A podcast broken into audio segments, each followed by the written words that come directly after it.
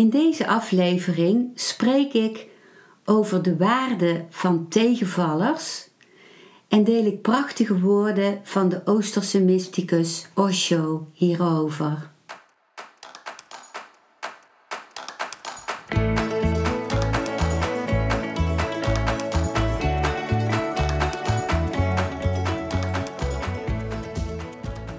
Welkom bij een nieuwe aflevering van Modita's podcast Van Pijn naar Zijn. De podcast waarin ik je meeneem voorbij de pijn in je leven naar wie je diep van binnen bent. Hoe kun je beter omgaan met je gevoelens? Hoe vind je rust in je hoofd? Wat zit er precies achter je pijn? En vooral, hoe kun je steeds meer jezelf zijn? Adem eens diep in en uit. Ik wens je veel luisterplezier.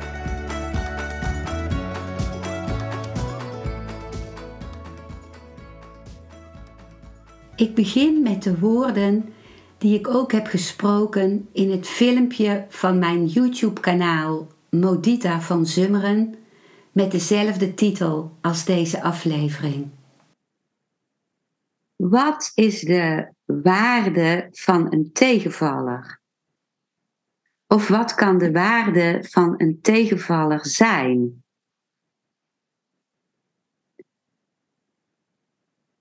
Als ik een tegenvaller heb, dan kan ik daar uh, van balen. Ik kan soms frustratie voelen of woede of verdriet.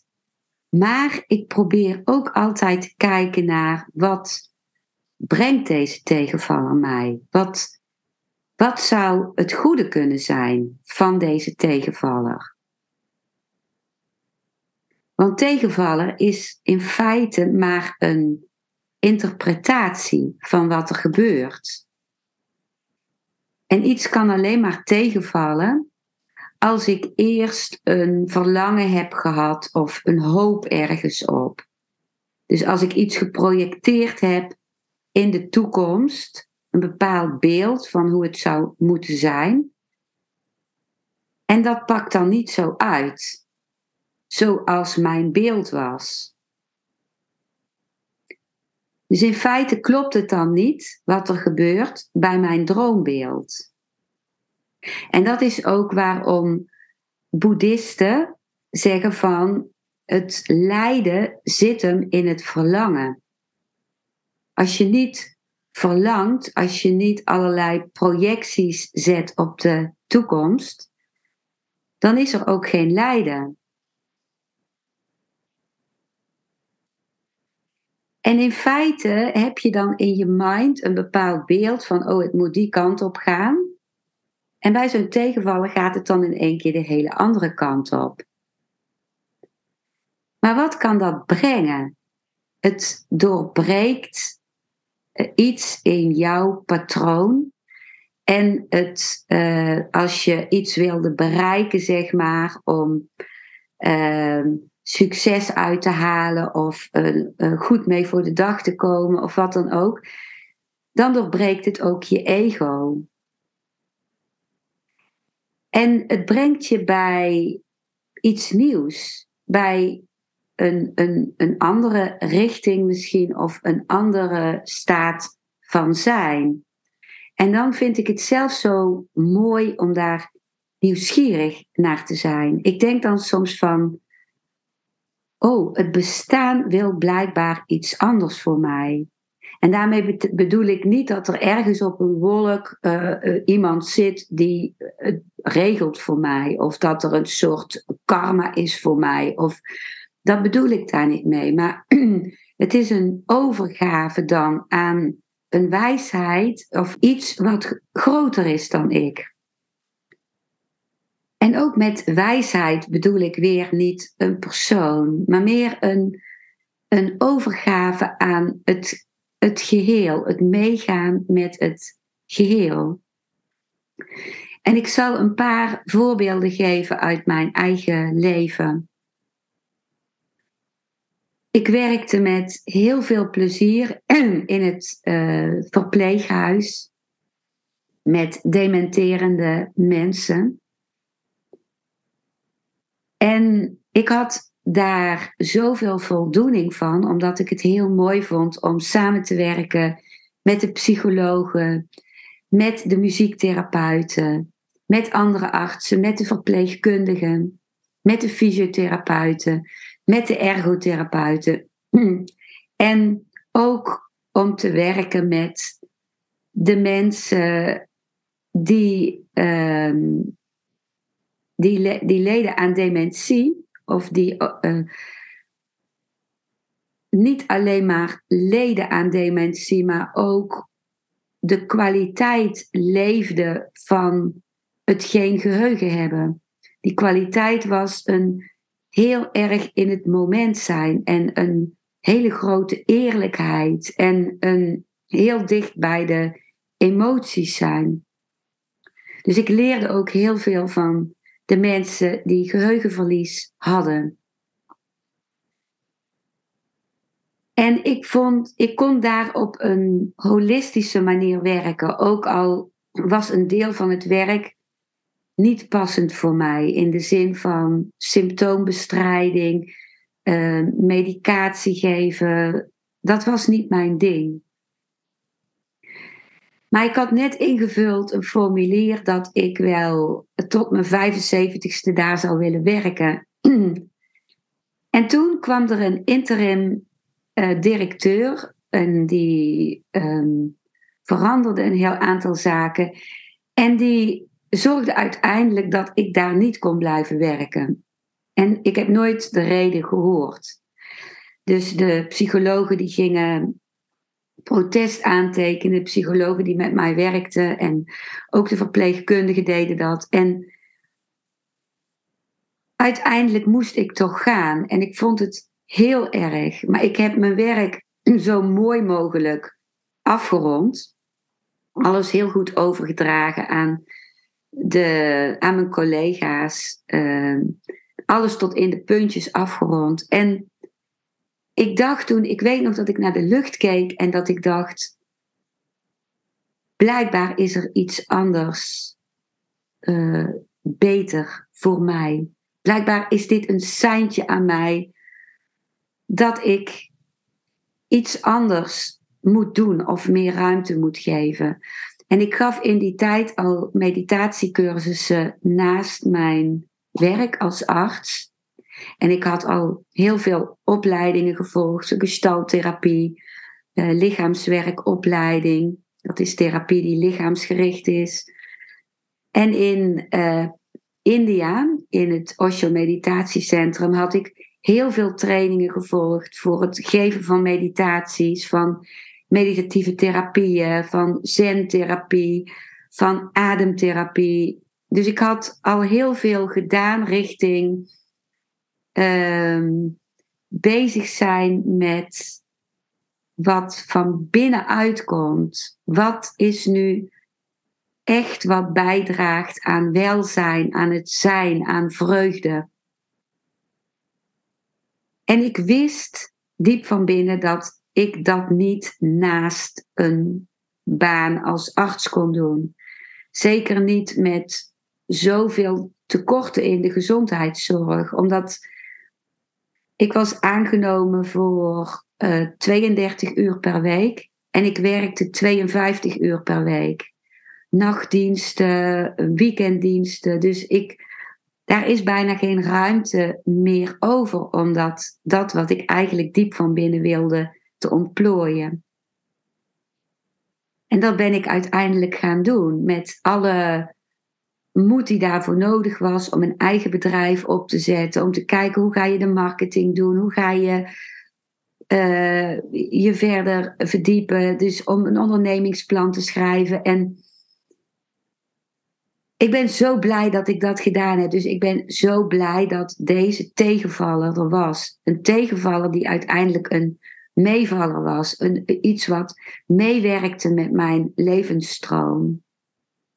En ik ben ook blij dat ik er zo naar gekeken heb. Dat ik me geopend heb voor wat wil dit zeggen. Dus als, ze zeggen wel eens, als er een deur dicht gaat, dan gaat er een andere deur open. Of dan gaan er drie andere deuren open. Maar het is de kunst om dan nieuwsgierig te zijn naar welke deur gaat er open. Een andere tegenvaller was of leek dat ik in het Osho meditatiecentrum was en ik was daar volop bezig met mijn werk als meditatie in de opslagruimte van het meditatiecentrum.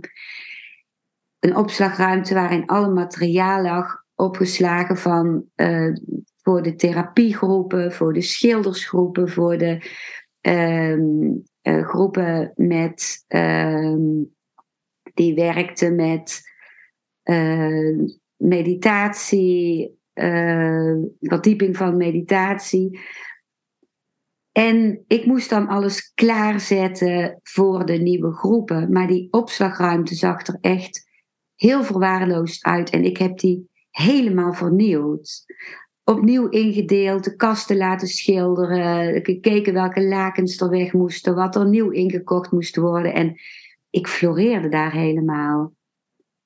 En toen was er een, uh, een dead celebration, er was iemand overleden en dan moest ik dus ook zorgen vanuit mijn opslagruimte dat de brancard in de meditatieruimte, waar het lichaam van de overledene opgelegd zou worden bij de afscheidsviering, dat die heel mooi werd met, met gekleurde lappen. En daar was ik volop mee bezig. En mijn geliefde, de man waarvan ik hield, die was bezig met het voorbereiden van de, de quote, de tekst van Osho, die die dan uh, ter gehoor gebracht zou worden. En hij, toen we allebei zo druk bezig waren, strekte hij op een gegeven moment zijn armen naar mij uit en ik rende daar naartoe. Maar waar hij zat was hoger, dat was op een podium. En ik zag dat podium niet. Dus ik rende daar tegenaan. En ik brak mijn grote teen op twee plaatsen. En ik viel neer op dat podium. En toen kwam die quote van Osho, die mijn vriend aan het uittesten was. En dat was: Remember, you are not the body. Dus onthoud, je bent niet het lichaam. Dus dat was echt, op dat moment kwam dat recht binnen. Omdat mijn lichaam zo'n pijn had en tegelijkertijd was het: onthoud, je bent niet je lichaam. Dus ik heb gedanst, zittend. En daarna ben ik hinkend op één been naar het ziekenhuis gegaan, wat ernaast was, om me te laten behandelen. En toen kwam ik in een rolstoel uh, terecht, of ik kwam niet in een rolstoel terecht, ik koos voor een rolstoel. Want ik wilde blijven werken in die opslagruimte. En al rollend kon ik dan meer doen wat ik wilde doen. Maar wat was nu het voordeel van dat dit gebeurde? Niet alleen dat ik me realiseerde, ik ben niet mijn lichaam, ik neem mijn lichaam waar, maar ik ben het niet.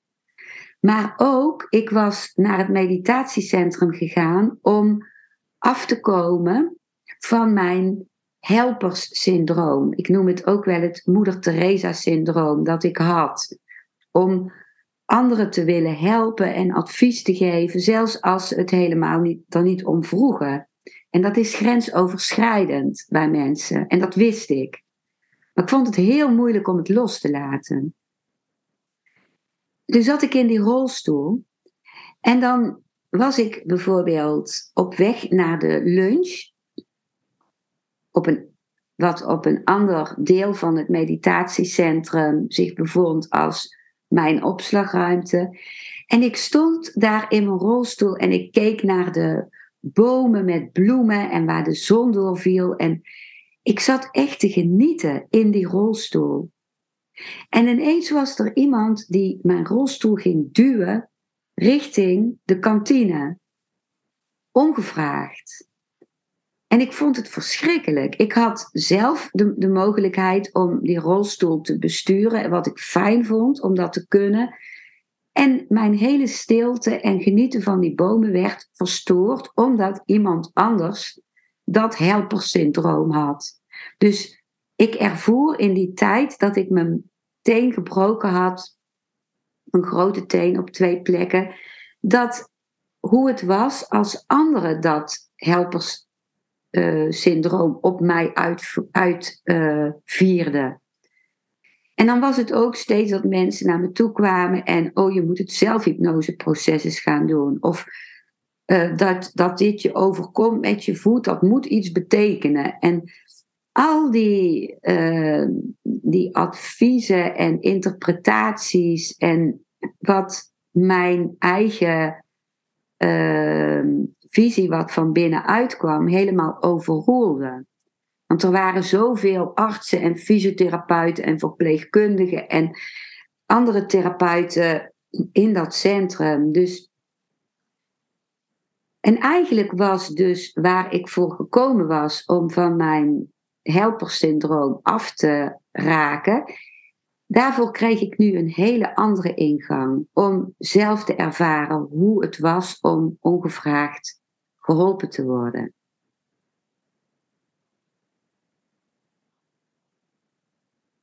Dus dat waren twee voorbeelden uit mijn leven waarin een tegenvaller iets was wat mij juist heel veel gaf. En ik denk dat, dat ook jij in je eigen leven zo'n dingen zult herkennen. En ook dat zelfs dingen waarin je helemaal een pad opging, dat afleiden van welke weg jij eigenlijk wil gaan, dat je voelde, je kwam steeds verder en verder weg van jezelf, dat ook dat je gediend heeft. Omdat als je weet, gaat voelen wat een weg is die niet bij jou past, dan ben je ook dichter bij de weg die wel bij je past. Je kun je zelfs alleen maar vinden vaak als je ook allerlei dingen doet die juist je wegleiden van jezelf. Dit waren de woorden van mijn filmpje. Nu deel ik drie teksten van de Oosterse mysticus Osho die gerelateerd zijn aan het omgaan met tegenvallers.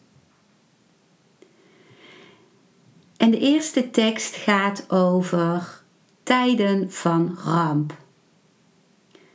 Osho zegt dan: Tijden van ramp maken je bewust van de realiteit zoals die is. Het is altijd kwetsbaar. Iedereen is in gevaar. Alleen ben je in normale tijden vast in slaap, dus je ziet het niet. Je gaat door met dromen, met je prachtige dingen voor te stellen voor de komende dagen, voor de toekomst. Maar op momenten waarop er dreigend gevaar is, dan word je je er plotseling van bewust dat er misschien geen toekomst is, geen morgen, dat dit het enige moment is dat je hebt. Dus ramptijden zijn heel onthullend. Ze brengen niets nieuws in de wereld. Ze maken je eenvoudigweg bewust van de wereld zoals die is. Ze schudden je wakker. Als je dit niet begrijpt, kun je gek worden. Als je het begrijpt, kun je verlicht worden. Dat is de eerste tekst van Osho die ik met je wilde delen. De tweede tekst, dat zijn woorden die zijn terug te vinden in het boek van Osho, Living Tao, in hoofdstuk 4. En die tekst gaat over acceptatie. Iemand vraagt aan Osho: Ik heb een vraag over acceptatie en hoe te leren om te accepteren omdat ik een deel in mij voel dat niet wil accepteren. Ik zou graag willen weten wie dat deel van mij is dat zo stom is. Is er een manier om dat deel van mij helderder voor mezelf te maken? Osho zegt dan: Het eerste ding is om te begrijpen wat acceptatie betekent. Je zegt: Kun je vertellen over acceptatie en hoe te leren om te accepteren, omdat ik een deel in mij voel dat niet wil accepteren? Accepteer dat deel ook. Anders heb je het niet begrepen. Een deel in jou gaat door met afwijzen. Accepteer dat afwijzende deel ook. Anders heb je het niet begrepen. Probeer dat deel niet af te wijzen. Accepteer het. Dat is wat totale acceptatie is. Je moet ook dat accepteren wat afwijst. En je zegt: Ik zou willen weten wie dat deel van mij is dat zo stom is. Op het moment dat je het stom noemt, heb je het afgewezen. Waarom noem je het stom? Wie ben jij om het stom te noemen? Het is jouw deel. Waarom verdeel je jezelf in tweeën? Je bent een eenheid. Al die trucs die je hebt geleerd van scheiding moeten komen te vervallen. Je hebt geleerd om jezelf te verdelen in het goddelijke deel en het duivelse deel, het goede en het slechte, het hoge en het lage. Laat alle verdelingen vallen. Dat is wat acceptatie betekent. Als je iets hebt, dan heb je iets. Waarom zou je het stom noemen? En wie ben jij om het stom te noemen? Nee, in het stom noemen heb je het afgewezen, heb je het veroordeeld. Acceptatie betekent dat er geen sprake is van veroordeling. Wat ook maar het geval is, je accepteert het. En plotseling komt er een transformatie in je zijn. Noem het niet stom. Geef er geen namen aan. Verdeel jezelf niet. Want dit is hoe het ego bestaat. Het is het ego dat zegt: het andere deel is stom. Het ego is altijd intelligent, begripvol, groots. En het gaat maar door met af te wijzen. Het ego leert je om het lichaam af te wijzen, omdat het lichaam materieel is en jij bent spiritueel. Het ego leert je om dit af te wijzen en dat af te wijzen. Dit alles is gedurende eeuwen gedaan. Religieuze mensen hebben dit continu gedaan en ze hebben niets bereikt. In feite hebben ze de hele mensheid schizofreen gemaakt. Ze hebben iedereen compleet in delen verdeeld. Je hebt delen in je. Dit is goed en dit is slecht. Liefde is goed en haat is slecht. Compassie is goed en woede is slecht.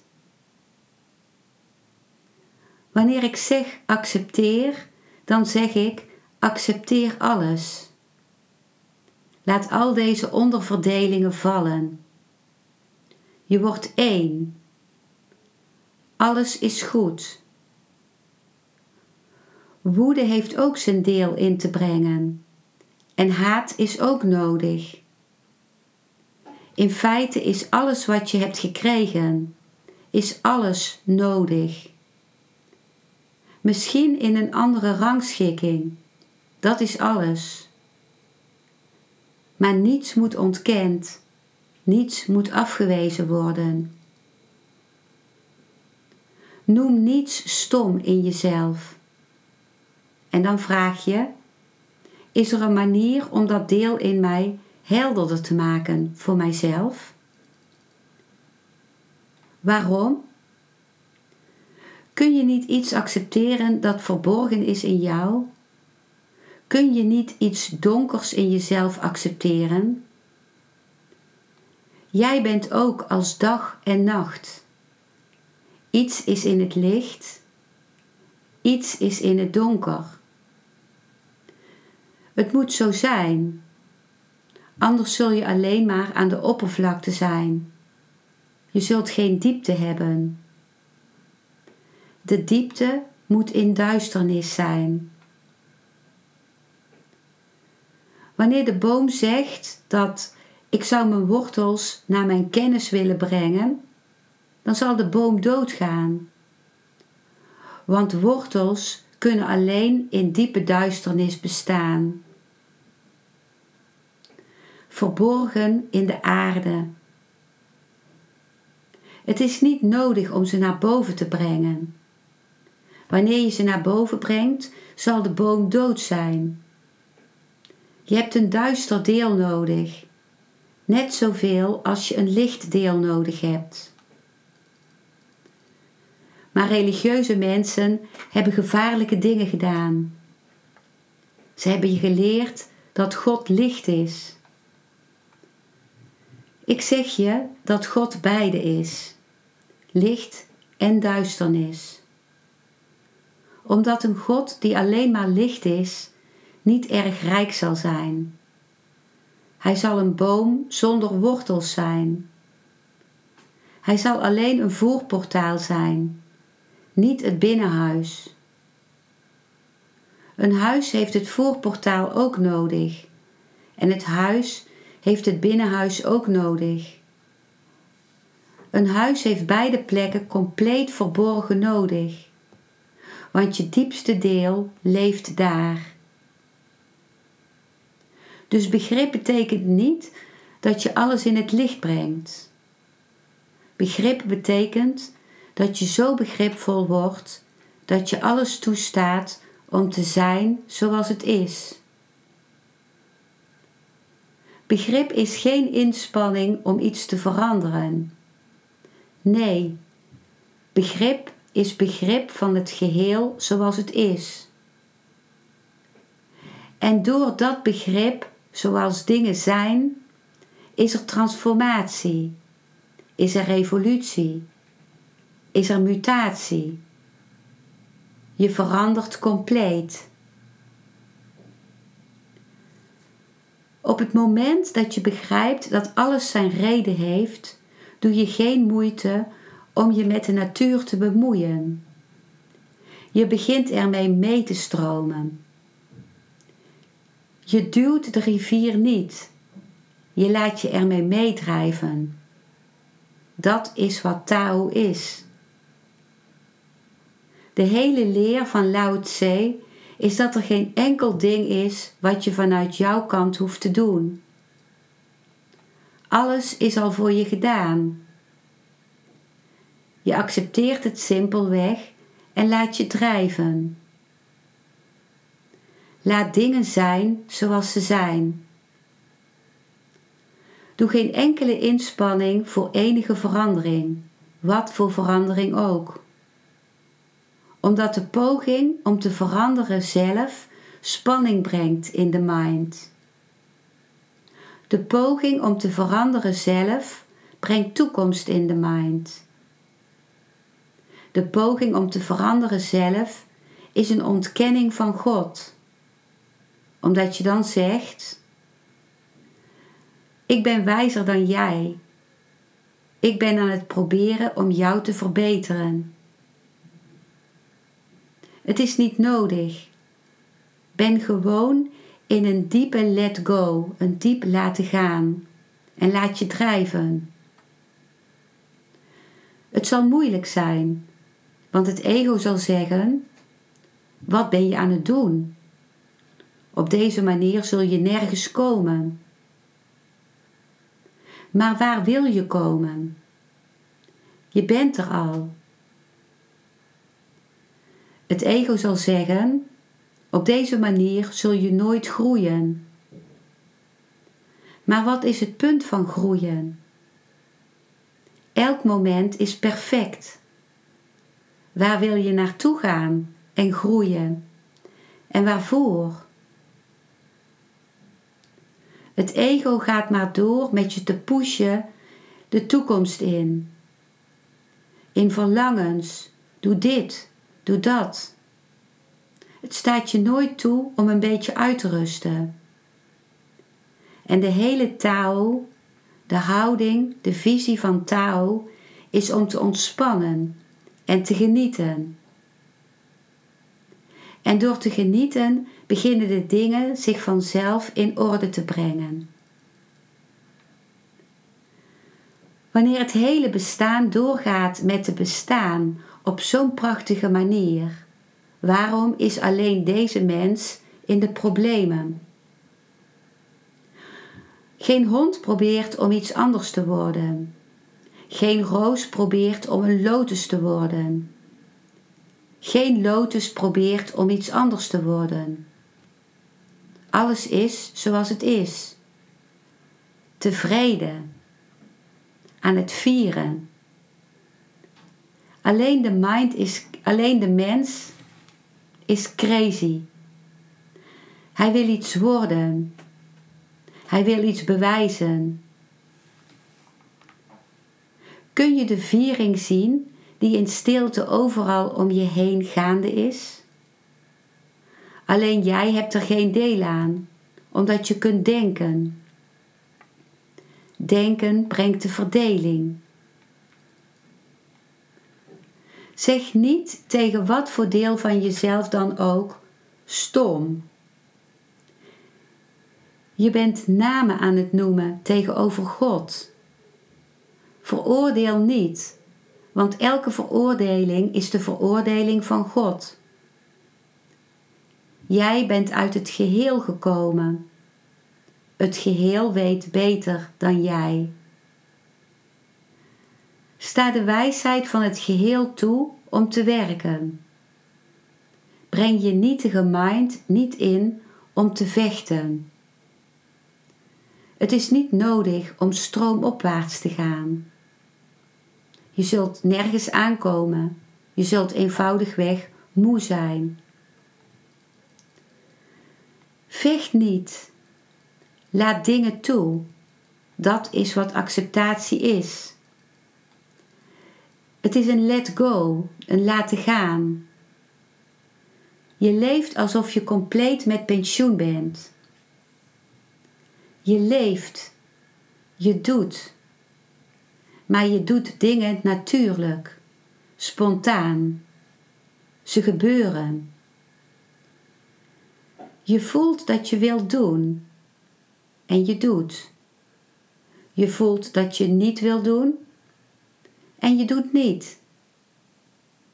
Je valt langzamerhand in lijn met de natuur. Je wordt meer en meer natuurlijk.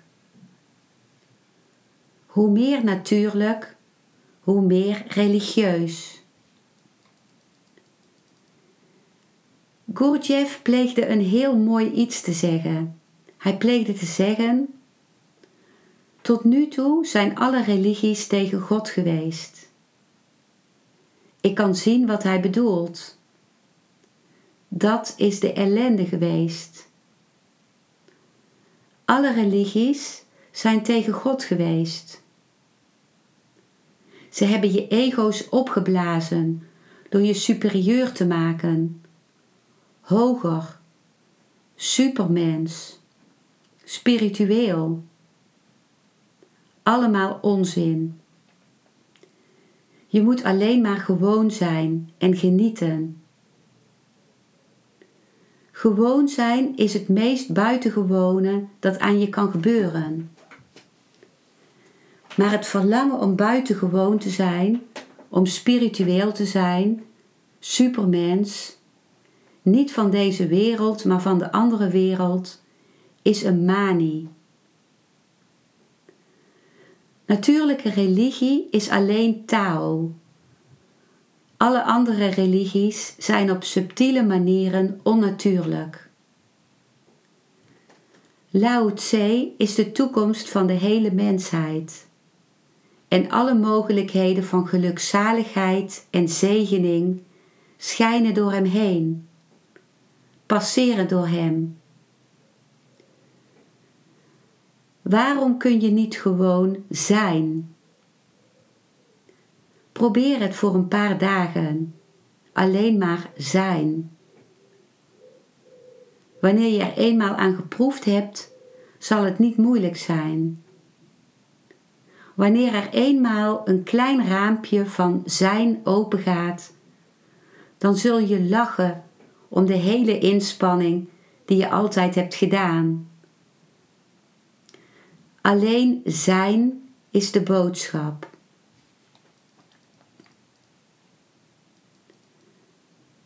Dat was de tweede tekst van Osho die ik met je wilde delen. En als laatste wil ik nog een derde, een wat kortere tekst delen.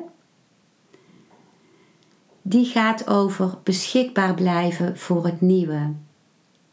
Osho zegt dan: Blijf beschikbaar voor het nieuwe. Blijf altijd doorgaan met sterven aan het verleden het is voorbij. Gisteren. Ja, is gisteren. En het kan nooit terugkomen. Als je eraan vastklampt, zul je met het verleden sterven. Het zal je graf worden. Open je hart voor dat wat komt.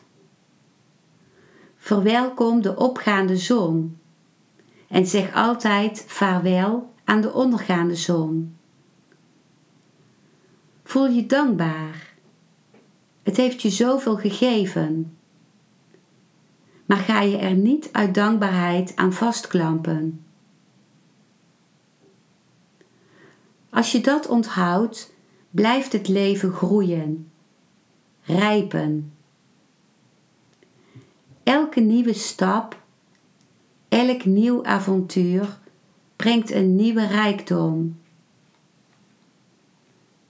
En wanneer het hele leven een beweging is, dan is het tegen de tijd dat de dood aanklopt zo rijk en heb je iets gekend dat zo enorm van het ultieme is, dat de dood niets weg kan nemen. Met deze woorden van Osho eindig ik deze podcastaflevering. Dankjewel voor het luisteren naar deze aflevering. Ik hoop dat hij je een nieuw inzicht of perspectief heeft gegeven. Ik hou van interactie, dus als je iets wilt delen, stuur me dan een mailtje op info@genietenvanmeditatie.nl. Ik geef je dan altijd antwoord. Ik wens jou dat je vreugde in het dagelijks leven zult ervaren en innerlijke rust. En dat je steeds meer je pijn zult kunnen omvormen in zijn. Je kunt de afleveringen van deze podcast volgen via Spotify, Google Podcast, Apple Podcast en Podbean door op de volg- of abonneerknop te klikken. Als je luistert via de Apple Podcast, dat kan alleen als je een iPhone hebt, heb je een extra voordeel. Omdat als je op de knop abonneren klikt, je steeds een berichtje op je mobiele telefoon ontvangt als er weer een volgende aflevering van mijn podcast verschijnt. Je bent van harte welkom bij die volgende aflevering.